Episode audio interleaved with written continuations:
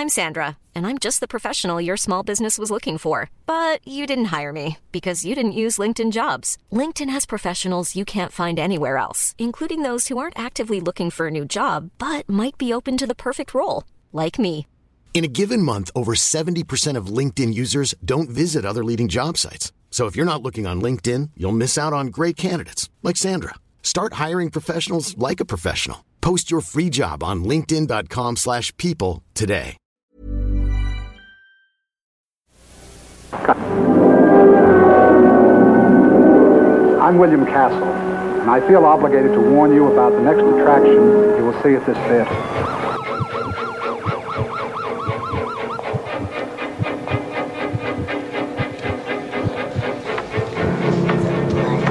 rushing from your heart to your head. Feel it. Your head is filling up with blood. Good. Now the blood is flowing from your head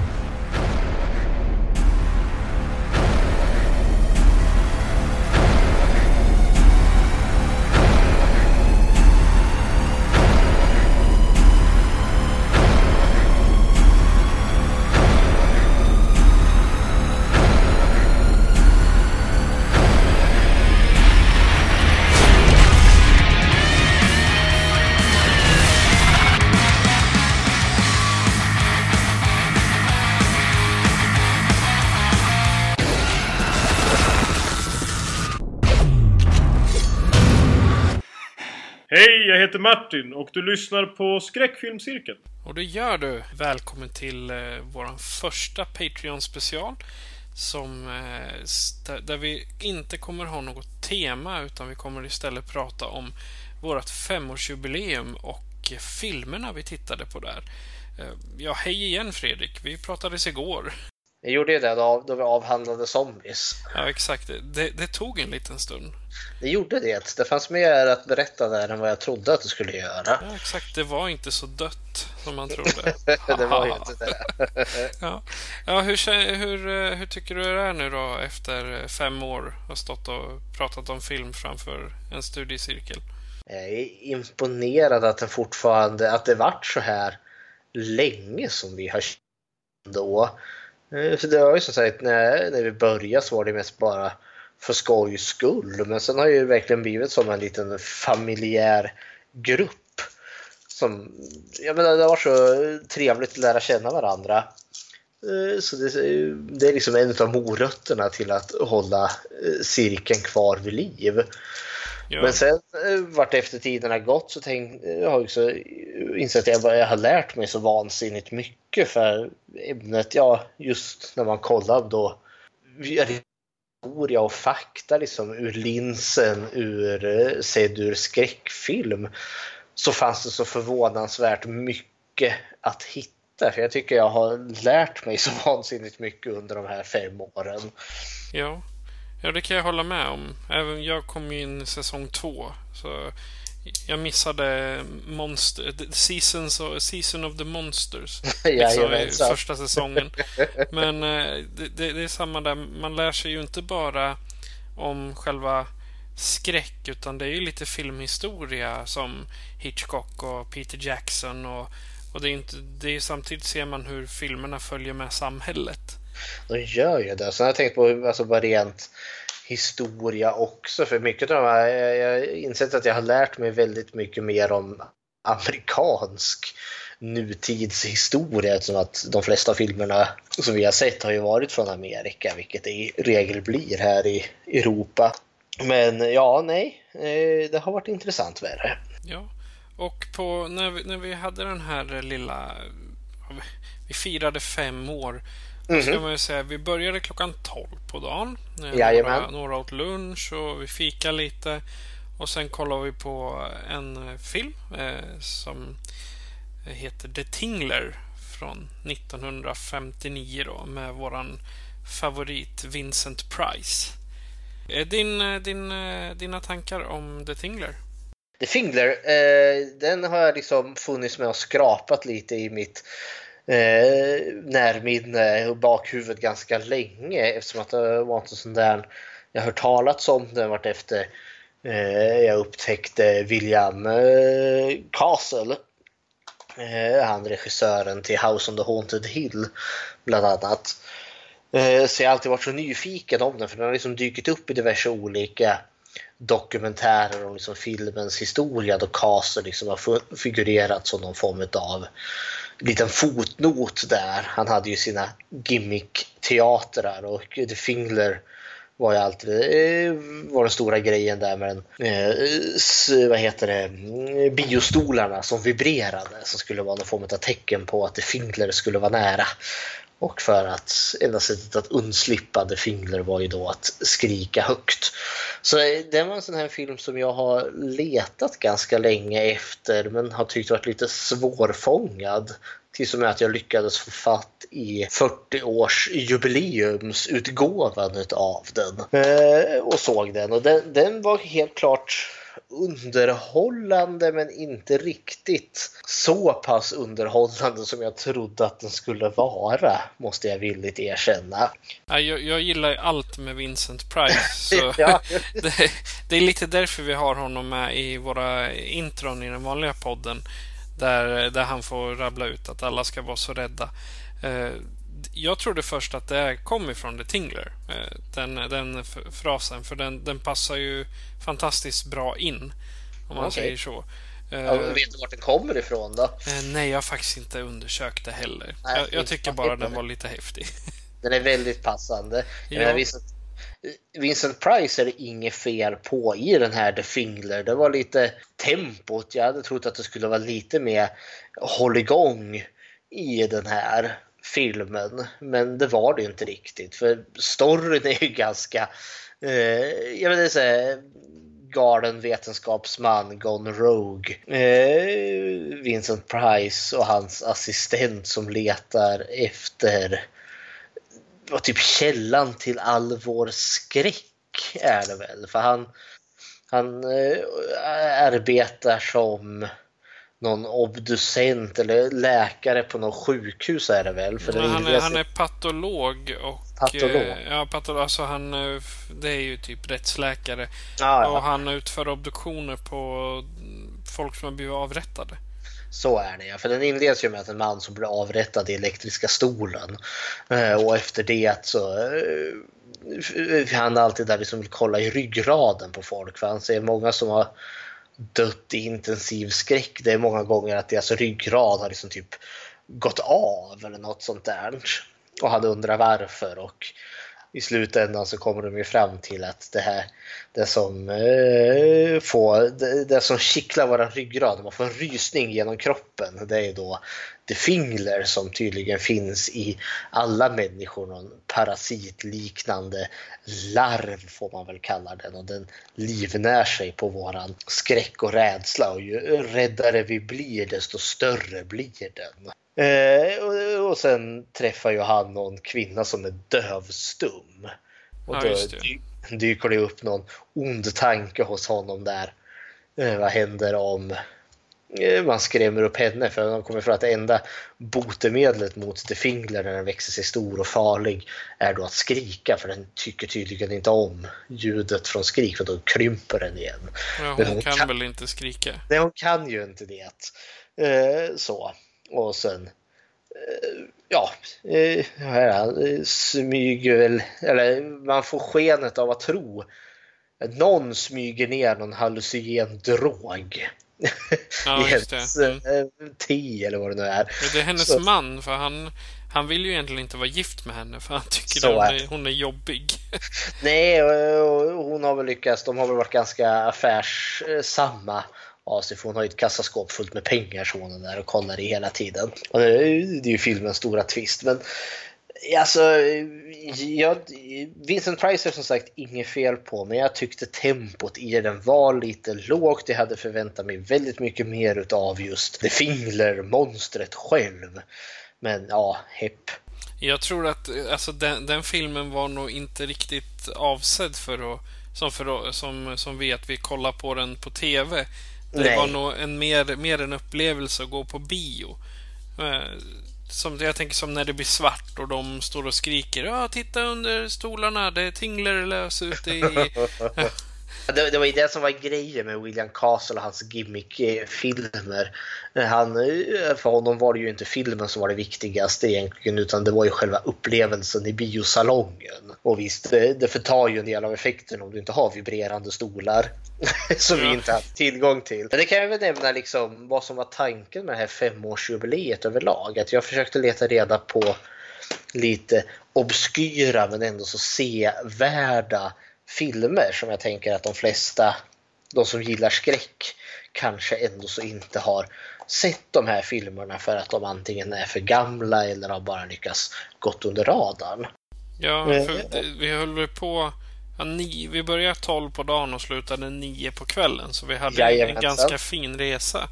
Vi hade ju det. Och jag tror jag lyckades klippa, alltså lyckades ta ingen hade sett någon av de filmerna som jag hade valt. Ja, jag hade sett Never Hike Alone.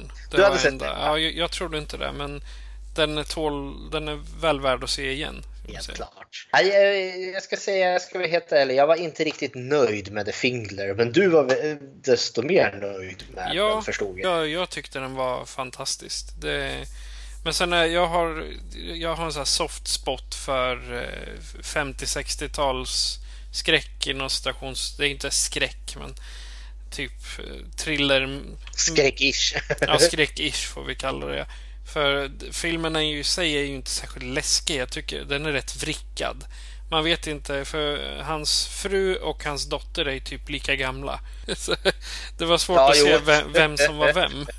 Nej, men det, det, den har jättedålig... Ja, den, ena, den ena var ljushårig och den andra var mörkhårig. Ja, precis. Det var så man höll isär dem. Men eh, den har jättedålig rating på IMDB fast eh, ja, den, den, får tummarna upp för mig i alla fall. Eh, vilken var nästa film?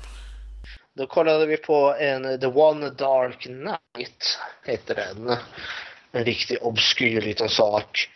Eh, från 81, 82, 82 någon gång tror jag. 82. 82 till och med.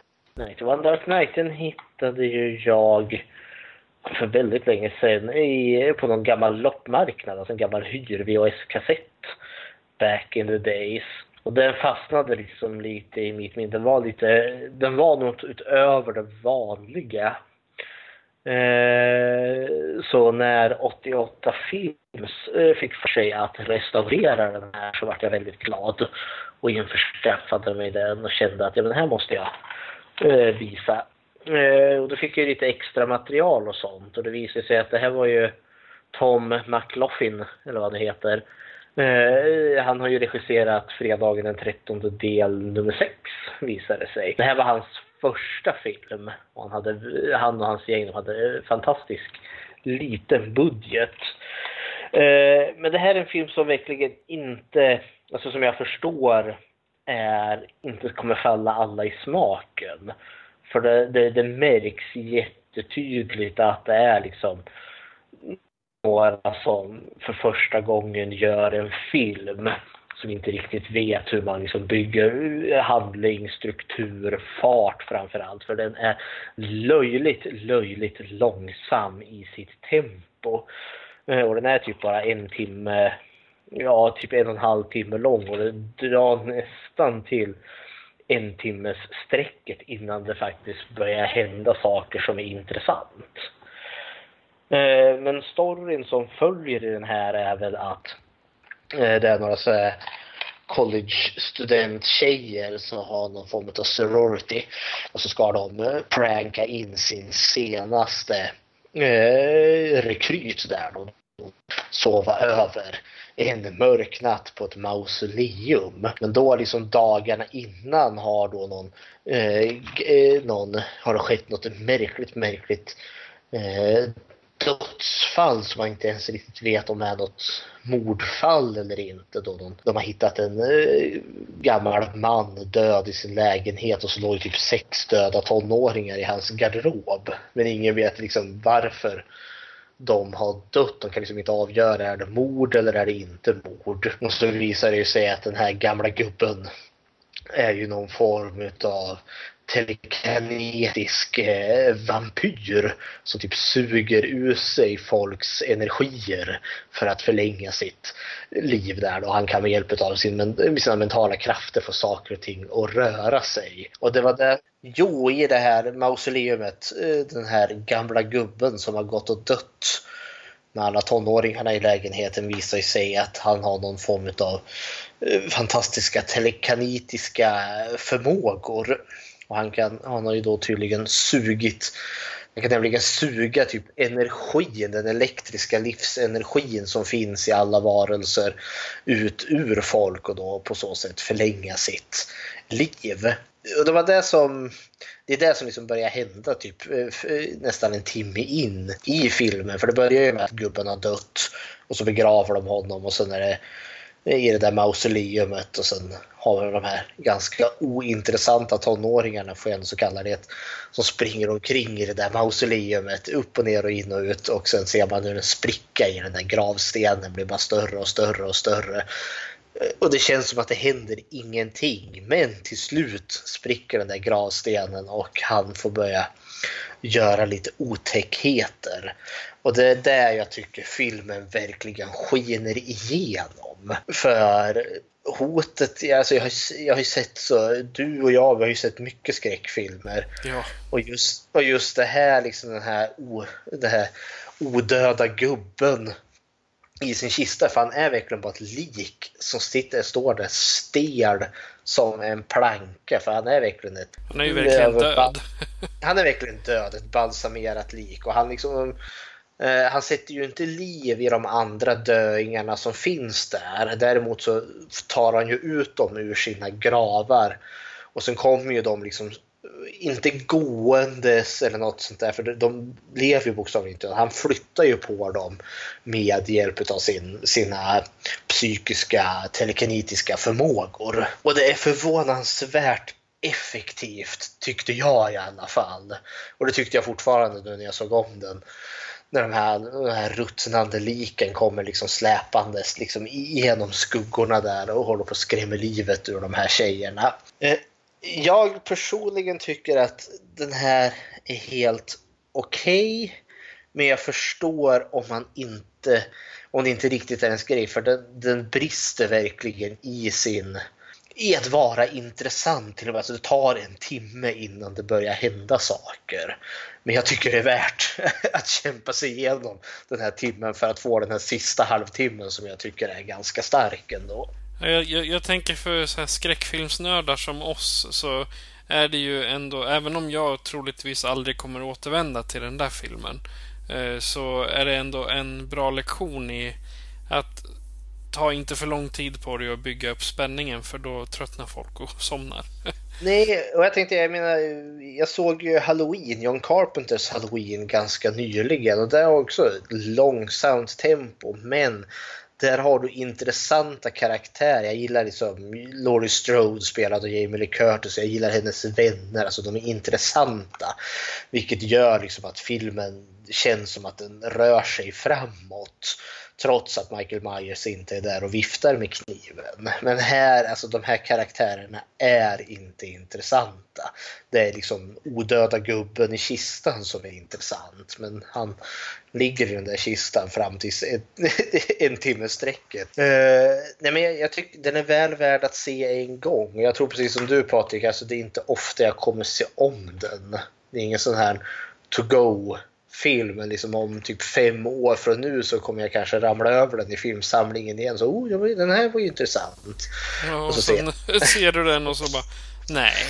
Ja, just det. den här. Nej, men, jag tycker den är väl värd att se åtminstone en gång för just själva hotet, det här zombieherren, den här telekinetiska liket jag kan aldrig se, jag kan inte påstå att jag har sett det i någon annan typ av skräckfilm förut. Varken Nej. före eller efter den här filmen. Nej, i, i regel så kommer ju de döda till liv och går. Alltså även om det inte handlar om zombies så kanske de kommer som spöken. Ja, för här är det verkligen så det är ju inga zombies. Så man kan inte säga att det här är en zombiefilm. Det enda liket som eventuellt är vid liv det är ju den här gamla telekinetiska gubben. Det här när, i, i scenen när han liksom rycker ut alla kroppar ifrån mausoleumet och de kommer gående liksom. Jag kommer bara tänka på Resident Evil. Nej, nej, Evil Dead menar jag förstås. Eh, när de kommer upp ur graven där. Bara, så, egentligen så rör de sig inte utan de bara ställer sig. Jajamensan. Och sen är det, jag kommer inte ihåg vad den heter, när eh, de bygger en stad uppe på en kyrkogård utan att flytta kropparna. Poltergeist. Poltergeist, precis. Det heter det. är ju samma där, de bara sticker upp i marken helt plötsligt. Ja, jo, och det, och det är ju kusligt i sig måste jag ju lite erkänna. För det är som i Poltergeist när hon ramlar ner i poolen eller så de håller på och Det är då liksom de här ruttnande skeletten bara ploppar upp. Det är ju inte så att de attackerar henne utan de bara är där och det är ju skitäckligt. tycker jag. Liksom att vada liksom i, i ett lerhav av ruttnande liksom, lik. Ja, nej, jag, jag, jag, har, jag har blandad respons. Jag, jag, visste nog nästan att ingen skulle ha sett den här filmen så jag, jag var glad att jag fick dela med mig den. Men eh, när jag rankade eh, för det kan vi ju ta i slutet här, hur vi rankar de här fem filmerna. Jag, jag tror nästan alla placerade One Dark Knight längst ner. Nåväl, ska vi skutta till nästa film? Ja, vilken var det? Det var då Anguish. Det är lite passande för vi har precis snackat, nämnde ju Poltergeist här. Och där har vi ju den här fantastiska Zelda Rubinstein som spelar det här lilla korta mediumet som hjälper familjen att få tillbaka sin dotter där som har blivit tagen av spökena. För hon spelar nämligen en av huvudrollerna i den här filmen Anguish från 1987 tror jag den är gjord. Jajamän. Ja, där hon spelar då någon form, jag vet inte, det nämns aldrig riktigt om hon har övernaturliga förmågor eller inte, men eh, i, I beskrivningen så står det en kontrollerande mor använder telepatiska krafter för att och sänder hennes medelålders son på en mördar, mördarrunda. Jajamens, för det är precis det hon gör. Och den här, den här är precis ungefär samma sak som eh, One Dark Night, att jag eh, snubblade över den mm, medan eh, hyrvideobutikerna fortfarande hade VHS-kassetter.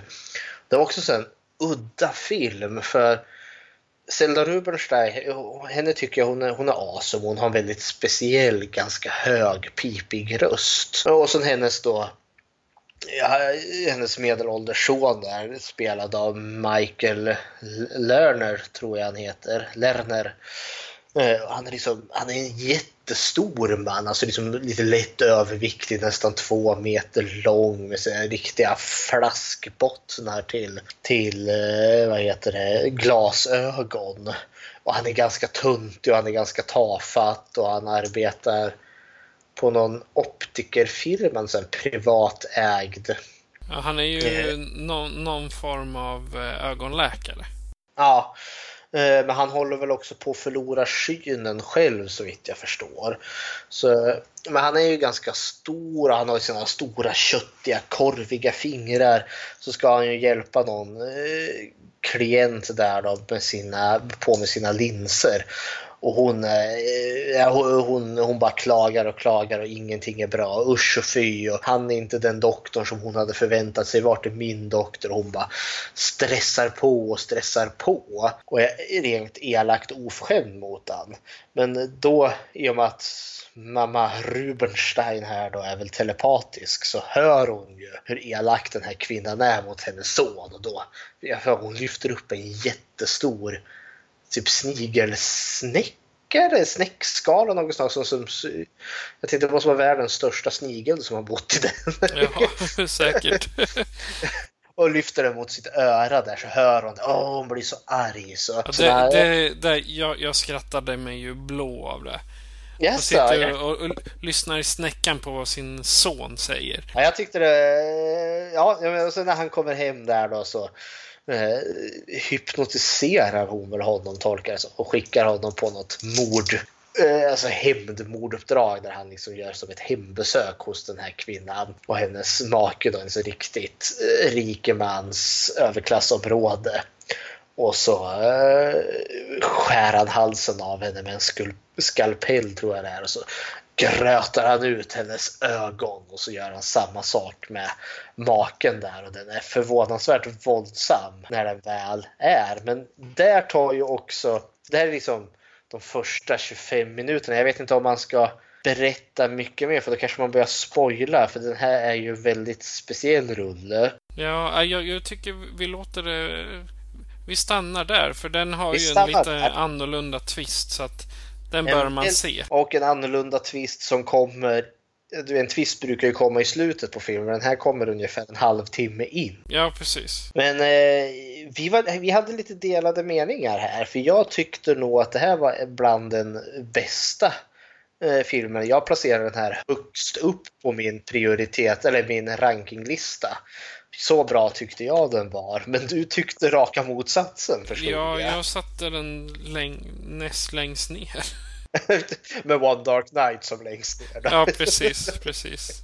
Nej, Du var inte alls imponerad av den. Nej, jag tyckte den var lite, inte långsam på det här viset, men jag kom verkligen inte överens med den. Det kan ju vara, jag kanske återvänder till den om eh, ett år och då inser jag liksom, ja men det här är en bra, okej då. Det var väl bra då. Ja, nej, man- kan inte beskylla den för att vara långsam som One Dark Knight nej. är. Men man kan också, alltså den är bra speciell. Alltså twisten som kommer där en halvtimme in i filmen som inte vi vill spoila. Precis. Den, den har sina stunder då den segar på men alltså berättarstuket blir väldigt annorlunda. Ja. Jag, jag, men jag, jag tyckte hela gruppen var mer eller mindre ganska kluven. Vissa tyckte, jag och några till tyckte den här var skitbra. Och, och du och några till tyckte att nej, kul och sett men inte mycket mer typ. Nej, det, det, det jag störde mig mest på var det här Zelda Rubinsteins, alltså att hon skulle vara så vrickad. Det passar Jaså? inte henne. Vi- Visst, hon kan vara lite annorlunda, men hon är inte en... Hon passar inte in som en psykiskt sjuk kvinna. Nej, det kanske och, och jag personligen tyckte att det var hon som var höjdpunkten. Så den här onda lilla tanten där som kontrollerar sin son med hjälp av sina telepatiska förmågor. Ja, Ja, nej, ser den om inte annat bara för twistens skull. Det, Precis. så skulle jag verkligen rekommendera. exakt. Och sen var det Never Hike Alone, om jag inte har med. Ja, och den här finns väl väldigt lätt tillgänglig. Eh, nu sa jag obskyra filmer och den här kanske är den minst obskyra av de andra för den finns gratis att tillgå på Youtube. Ja, och den, den är faktiskt väl, väldigt bra för att vara en fanfilm baserad på Fredag den 13. Jajamensan, för det, alltså det är en seriös, alltså jag har ju sett andra så fanfilmer då liksom folk med noll budget och springer ut i skogen och någon leker Jason och så är det bara en förfärlig massa mord. Alltså den här har ju faktiskt det märks att det här är fan som har gjort den här filmen och de har tänkt till några varv. Ja, den är, den är väl bearbetad också. Eh, och eh, inte för att spoila allt för mycket genom att den här finns gratis och finns tillgänglig att se. Jag tycker ni ska se den. Men alltså det här är också bevisat att det här är en fredagen den 13 film som inte har liksom en uppsjö mord. För det, det, det finns ju i regel bara två karaktärer i den här filmen och det är den här killen då som eh, är ute på en hikingtur och Jason. Ja. Det är de två. Alltså jag menar, i en typisk fredagen den 13 då har du ju minst liksom mellan 10 och 20 mord. Den här finns det bara två karaktärer med. Ja. Och det funkar förvånansvärt bra. Och inga tjejer som är topless. Inga tjejer som är topless. Inte ens killen blir topless. Nej, precis. Va, alltså seriöst, va, va, vad tänker de med? Det är ingen slasherfilm. What? Nej, eh, eh, lite snabbt storyn här. Så det är ju någon kille som var, jag, jag tolkar det som att han hade någon form av Youtube-kanal. Där han är ute och hajkar och har sig i skogen. Och sen eh, ska han väl hit och eh, ut och springer i skogen med sin GoPro-kamera Ja, och ha sig. För det, tyckte jag också var lite intressant för den, pendlade liksom från att vara found footage till att bara vara helt vanlig spelfilm. också. Vilket jag tyckte funkade ganska väl, måste jag Ja. villigt erkänna. Ja, det var bra att det inte var längre än vad det var i alla fall. Nej, och den är inte så lång. Den är ju typ bara en timme lång den här filmen. Men det är väl det att han, av en händelse så kommer han in till några områden där det står liksom tillträde förbjudet. eh.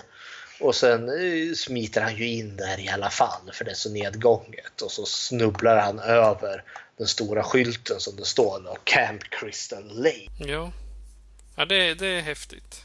Mhm. Och så blir han ju lite nyfiken och så letar han sig fram och så hittar han ju då eh, alltså campingen, Camp Crystal Lake. Och så börjar han snoka sig runt där och uh, han berättar oh, men jag har hört om att det var här det hände någonting för typ 30 år sedan och det var så läskigt. Och så börjar han hitta lite tecken och uh, sånt på att det har skett någonting. Det finns ju sån gamla, alltså polisen har ju varit där och undersökt bevisning och det finns ju gammal liksom, kriminalteknisk, vad heter det, spår kvar där man ser liksom polistejp och eh, platser där det har skett mord. Det finns ju ingen kroppar men blodet finns ju kvar liksom, på väggar och golv och sådana saker. Och sen, och sen halvvägs in så dyker ju plötsligt Jason upp där då. Han finns ju där och har alltid funnits där och så är det ju typ som en katt och råtta jakt liksom resterande film. Ja, Och det, och det funkade jättebra. Jag var jättenöjd med den här. ja men det, det, det var faktiskt jag med. För den, den, den kom i och för sig trea. Men eh, hade inte, hade inte The Thingler varit med på listan då hade den legat tvåa. Alltså. Mhm. Ja, nej, jag var väldigt eh, underhålld av den här. Och det är också, personligen får jag tycka att, jag tror att Never Hike Alone kom typ 2017 eller något sånt där. Eh, Japp, 2017. Ja, av ett gäng glada men liksom kompetenta amatörer. Eh, jag tror de hade typ en budget på 20 eller 30 000 dollar eller något sånt där. 18 934 enligt IMDB. Se där. Ja, men enormt liten budget. Jag tycker de, alltså ett gäng fans, lyckades göra den här liksom fan-made filmen var betydligt bättre än den här rebooten som kom 2009. Som ändå såg ut som en studio, eh, alltså som hade ett helt studiobolag bakom sig med säkert 30-40 miljoner liksom i när de gjorde den filmen. För alltså jag ser mycket hellre Never Hike Alone igen än vad jag gör rebooten utav Fredagen den 13. Nej, ja, nej men eh, det, alltså det, den är skön och sen framförallt och sen har vi ju found footage-nörden eh, här i mig. Han har, den är ju delvis i found footage. Men jag hoppas innerligt att de inte gör en remake, eller remake ännu en eh, Fredag den 13 i found footage Nej, kanske inte för det var ju tal om att det skulle komma en, men sen vart det ju den här, vad heter det, det var ju den här eh, rättighetsrättegången här som kom när spelet dök upp. Vem, om det var det. Cunningham eller om det var den här andra manusförfattaren som hade rättigheterna till just Jason som karaktär. Då. Det var ju därför det har inte blivit några nya Fredagen den 13 men den twisten är ju löst nu. ja. Jaså, okej. Och i och med att den nya Halloween-filmen här som kom med stor framgång som man redan håller på att planera en uppföljare till så är det ju nu mycket snack om en ny fredagen den 13 och det kommer ju väldigt passande om vi kommer in i en ny slasher boom. så det ser jag fram Ja. emot. Ja, det, ja, precis. Inte mig emot. Okej, efter Never Hike Alone då, innan vi lyckas spotta ut att vi, att vi spoilar nej. misstag. Vad tittar Då vi var det på ju då? slutklämmen. Man ska börja man ska börja starkt och man ska sluta starkt. Personligen så tyckte jag att The Fingler kanske inte var så starkt men slutknorren, sista filmen, den hade jag på känn att den här kommer gå hem. Och det var ju den nyzeeländska filmen Deathgasm. Som, som gjordes typ 2015 tror jag. En liten så här skräckkomedi om eh, alltså i någon litet avkrok någonstans i Nya Zeeland. En liten by där. Eh, där man får följa huvudpersonen, någon ung kille där som är riktigt så här death metal fan. Eh, hans pappa är borta eller död. Det framgick inte riktigt. Men hans morsa sitter på psykhuset efter att hon har i något sånt drogdelirium försökt suga av jultomten i köpcentret. Hon var hög på metamfetamin. Och då hamnar han hos liksom sin eh, morbror eller moster eller vad det är som är så superkristna människor som är helt förfärade över hans eh, hårdrocksval där. Då. Så han, han är lite av en outcast där. Men så lyckas han ju träffa ytterligare en sån riktig metalhead-kille eh, där så han har en bundsförvalt. Och eh, sen har ju de Alltså det är ju någon, eh, så här, någon eh, historisk, eh, eller mm, någon sån här riktig legend inom hårdrocksvärlden som de bara är påhittat för den här filmen. Som ingen riktigt vet. Liksom, de, de gjorde den bästa hårdrocksmusiken någonsin. Men sen bara försvann hu huvudsångaren där. Och så har de misstänkt att de har hittat honom i något så riktigt gammalt nergånget hus. Och det har ju de mycket riktigt hittat honom. Men han ligger ju där alldeles dekad och typ kramar något eh, LP-fodral där. Så de lyckas få med sig och i det så finns det ju några så lösa papper med noter på. Eh, och så tänker de, fy fan vad coolt det skulle inte vara att spela det här. Liksom, tänk om det är deras det här coola bandets liksom, eh, senaste låt. Men det visar sig när de spelar det att det är ju, det är ju någon form av besvärjelse för att framana den blinde Alelof. Någon urdemon från helvetets innersta cirkel där då, som nu ska dyka upp där och börja besätta folk till höger och till vänster.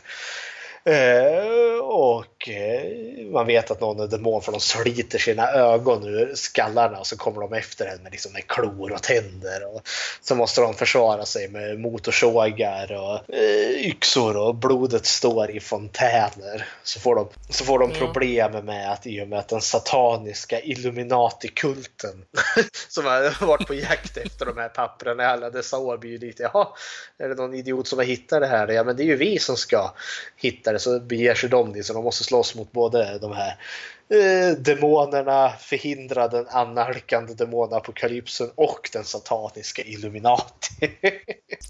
ja, den, är, den är fantastiskt rolig faktiskt. Och, eh, han huvudrollsinnehavaren eh, Milo Cawthorn han eh, gjorde, året efter så var han med i ett avsnitt av Ash vs Evil Dead faktiskt. Och han uh, hade gjort massor med röster till Power Rangers innan. Han har väl varit en Power Ranger också tror jag? Ja, nej, han den var en Power Ranger. Den gröna Power Ranger. ja, precis.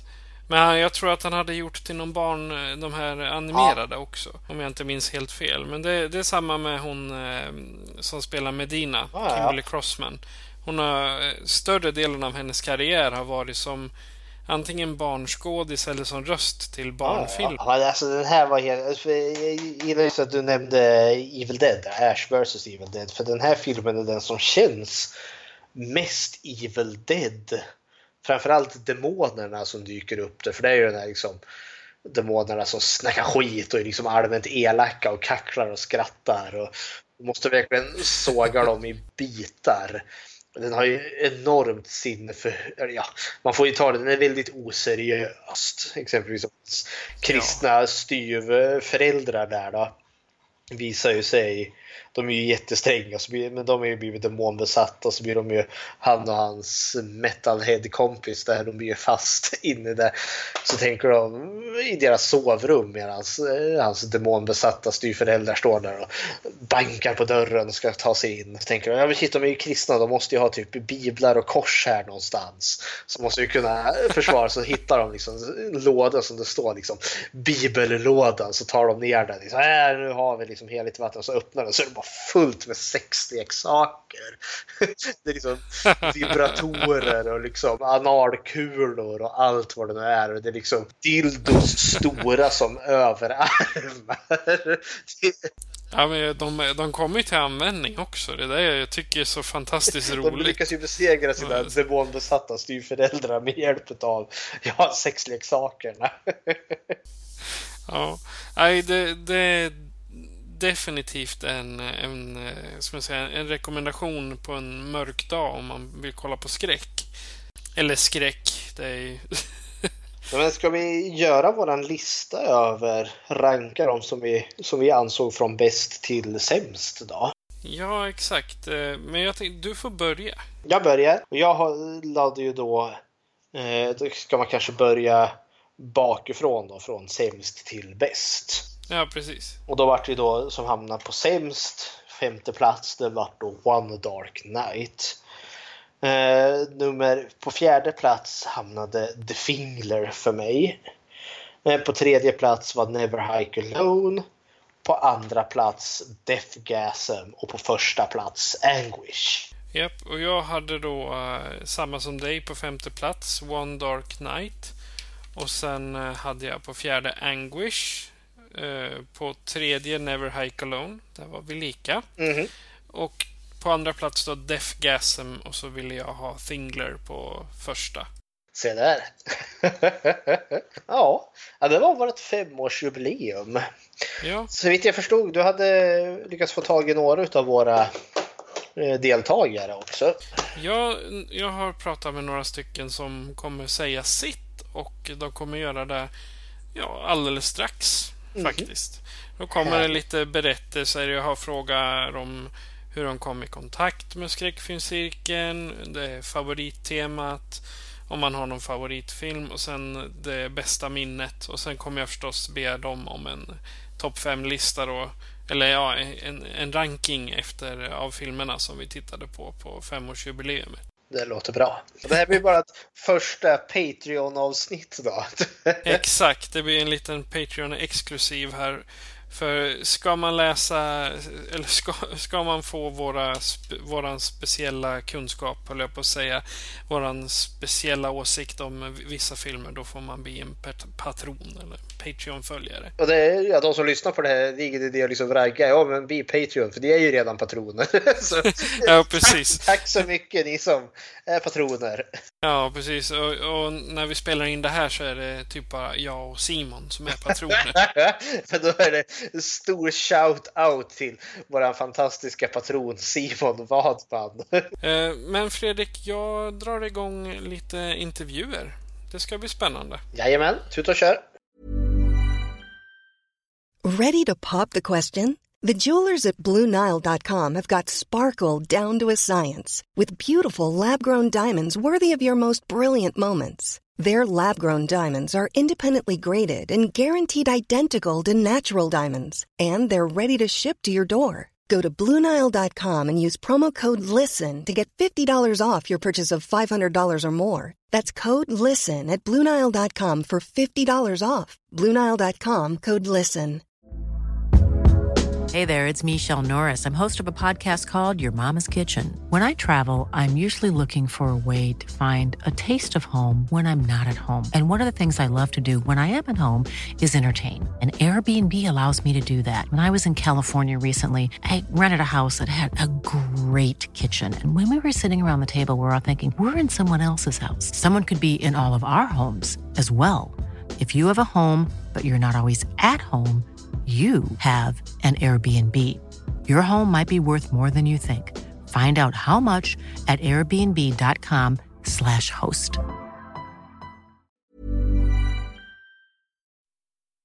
Hej, jag heter Boris och du lyssnar på Skräckfilmscirkeln. Det var i eh, typ mitten av sommaren 2015. Eh, Fredrik hade lagt upp någonting i en så här Facebookgrupp för eh, så här skräckfilmsälskare. Eh, det var liksom så här direkt så här, okej, det här måste jag gå på. Jag har alltid, ända sedan jag var väldigt liten, haft intresse för skräckfilm. Eh, och bara så här, typ, det har varit mina favoritfilmer att diskutera, att prata om, att eh, filosofera om, eh, att se med en publik. Eh, och bara så här, liksom, så här, va? Mer människor i lilla Eskilstuna som delar det här eh, intresset. Eh, och jag liksom såg så här affischen för filmcirkeln där det var liksom så här massa olika teman och, och jag var så här, kände direkt att det var så här perfekt, eh, nog nördigt för mig. När vi pratar om George Romero, för jag tror vi hamnar i en så här diskussion om typ så här hur, eh, ja, liksom så här, ja, galna gamla skräckgubbar och typ ehm, alltså vi börjar komma in på något som jag tycker är väldigt intressant att diskutera om så här, vilka som är masters of horror eh, och, och sånt där och det var verkligen så här eh, eh, bara kändes som typ eh, jag vet inte, det var någon gång när jag, där någonstans när jag verkligen bondade med alla. Battle Royale. Det är någonting med just den filmen och hur den filmen hanterar eh, den, alltså, så här, paniken i alltså här, paniken i ungdomar som hamnar i en knasig situation som är mycket större än de själva och de förstår liksom inte hur de ska ta sig ur den. Eh, och det plus att den är verkligen så här, eh, en så här berg och dalbana skräck actionfilm som jag verkligen, verkligen tycker om. Att, att det, det händer mycket eh, och den är väldigt quirky. Det finns en gemenskap eh, och det finns någonting väldigt säkert i att liksom så här, vi går dit varannan torsdag eller onsdag och vi har det bara jättetrevligt. Det har, alltså, skräckfilmerna och allt det där är ju i fokuset men det är också så en jättebra grupp människor eh, och vi har alltid jättekul vad vi än diskuterar, även när vi diskuterar andra saker än skräckfilmer. Eh, så att liksom kom för liksom, gemenskapen och, och, och stanna för eh, alla underbara filmer. Första året, eller för första säsongen jag var med så uh, hade vi uh, eh, asiatisk skräck som, som tema. Vi var inte jättemånga som var där då. Men eh, jag kommer ihåg att eh, vi skulle se Ringu som jag tycker är väldigt, väldigt bra. och tycker om väldigt mycket. Eh, och den var bara, den, den filmen gick inte hem just med den exakta stämningen, den, exakt, den exakta mängden människor eh, som var och just det var liksom så en, en, en vinter, så här, seg torsdag. Jag tror alla var lite trötta och det var en jätteslow burn film. Uh, och jag var jättetaggad på att vi, nu ska vi se Ringu, det här kommer bli jättebra. Och sen liksom alla direkt efteråt var rätt så, såhär, ja ah, det var väl okej. Okay. Så det är, no, det är någonting som jag, jag minner, minns uh, väldigt starkt för att det var, det var väldigt roligt att, att uh, att det blev just så. Deathgasm såg jag inte, så den, den går bort för mig. Fyra har vi nog Never Hike Alone. Tre One Dark Night, två Tingler och ett Anguish. Alltså, jag tror jag skulle bara säga att liksom så här, de här åren som jag har varit med eh, och eh, liksom allting har varit jättekul. Och eh, alla föreläsningar, att själv ha fått föreläsa, att liksom allt från ah, nu ser vi någon konstig italiensk skräckfilm till eh, att titta på liksom så här, eh, konstiga Youtube-klipp innan varje, varje träff och så här. Och sen att se att du och Fredrik har spunnit vidare på det här och liksom skapat en podcast som är very listenable och, och liksom faktiskt väldigt bra och eh, jag tycker om den väldigt mycket. Det, det är bara värme i hjärtat så att jag vet inte. Jag tänkte väl mest bara visa lite så här, ja, lite love till alla. Hej, det här är Claudia och du lyssnar på Skräckfilmscirkeln. Min gode vän Martin lurade med mig en gång och sen dess har jag varit fast. Jag har gillat skräckfilm väldigt länge och det är väl ett intresse jag har ärvt av min mamma. Sen just till den här skräckfilmscirkeln så, så var det att man satt med andra skräckfilmsnördar och kunde prata teorier och idéer och uppskatta konsten lite i det hela. Mina favoritteman är nog de som handlar om regissörerna när man får veta lite om he hela gänget så att säga. För eh, det är saker som man som man kanske inte vet sen innan. Det är mycket kuriosa fakta som, som kanske inte är alldeles för lätt att veta bara på rak arm. Det är ju just att um, mycket teman kring, uh, om man tar temat vampyrer, det, man vet ofta ganska mycket runt omkring det redan. Men sen om man tar uh, någon lite mer okänd regissör som kanske är insnöad just på skräck så brukar de inte få så mycket utrymme i media och så är det kanske inte lite, lika mycket allmän kännedom som, det, som jag tycker att det borde vara. Jag gillar Fönstret mot gården väldigt mycket. Annars eh, min favoritskräck det var skräckis det är The Hunting of Evan Beckett. Det är en mysig spökfilm som ger ett obehag som de här jump scare-täta filmerna inte riktigt har. Man får se skräckfilm från en helt annan vinkel. Man, man kan titta på den som en typ av konst och som, som ett hantverk som man kanske inte ser om man bara tittar på den på en mörk natt för att skrämma sig själv. Eh, man får en helt annan uppskattning av hela mediet om man ser eh, kreativiteten, konstnärliga friheten som finns i skräckfilmsgenren som kanske inte finns i andra filmgenrer. Det är fantastiska föreläsningar, det är ett underbart gäng och eh, vi fikar innan varje film. Om det är någon som absolut inte är intresserad av film så tycker jag fortfarande att man har ett underbart socialt umgänge av det hela. Det är väldigt bra stämning på varje film, filmkväll. Eh, och föreläsningarna håller väldigt hög nivå. Så man, man kan bara vinna på att komma med där. Mm. Min, mina favoriter är ju när vi firade, dels när vi nyligen firade vårt eh, femårsjubileum med skräckfilmscirkeln. Jag har inte varit med i alla fem år men det var lika roligt för det. Mm, när vi kunde spendera en hel dag med skräckfilm utan paus nästan. Och ett annat favoritminne, det var nog när vi tittade på en film eh, som var baserad på kör, boken Körkarn som var en gammal restaurerad svartvit film som jag inte tror att jag hade tittat på annars. Det var en, en väldigt skön upplevelse med att se någonting man aldrig hade tittat på själv och sen upptäcka att det här var en jättebra film och man är jättenöjd med upplevelsen och bara kan tänka sig att se om den filmen själv. Självklart The Tingler först för det har ju min favvis Vincent Price i, i en av huvudrollerna. Sen skulle jag nog säga Never Hike Alone och Death Gasm. Anguish var en väldigt intressant film men jag föll nog inte särskilt hårt för den. Samtidigt som One Dark Knight hade ganska, ganska speciell kvalitet på sig. Så jag tror de får faktiskt dela på sista platsen. Alla som är intresserade av skräckfilm borde vara med för att det är verkligen eh, ett underbart gäng och ett underbart tillfälle att nörda ner sig ordentligt i skräckfilmsträsket in i de minsta, minsta subgenrerna och med de konstigaste kuriosa faktan. Helt underbart. Det var alla tidigare deltagare, eller alla deltagare nu kanske man ska säga, som har sagt sitt och jag tyckte det, det var väldigt kul att prata med dem. Visst lät det trevligt? Det tycker jag. Det är stor shout-out till dig för det är du som sköter den här tekniska delen av det hela. Jag, ja, jag, sitter, jag sitter mest här och nördar filmer och allmän varulvskunskap. Exakt.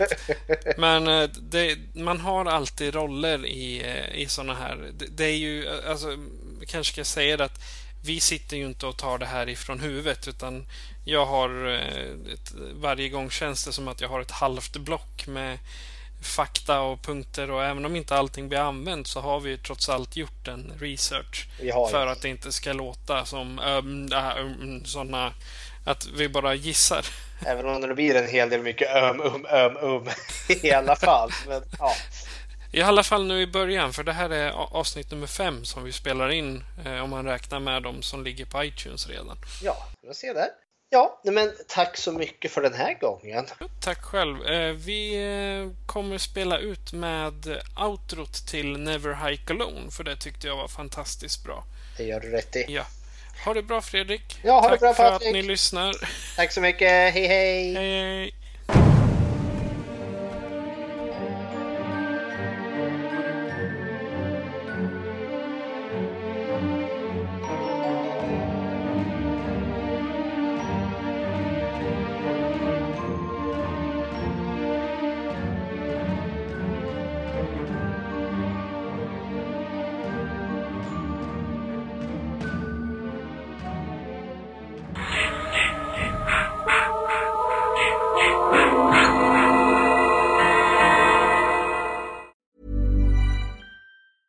Planning for your next trip? Elevate your travel style with Quince. Quince has all the jet setting essentials you'll want for your next getaway, like European linen premium luggage options, buttery soft Italian leather bags, and so much more. And is all priced at 50 to 80% less than similar brands. Plus, Quince only works with factories that use safe and ethical manufacturing practices. Pack your bags with high-quality essentials you'll be wearing for vacations to come with Quince. Go to quince.com/pack for free shipping and 365-day returns.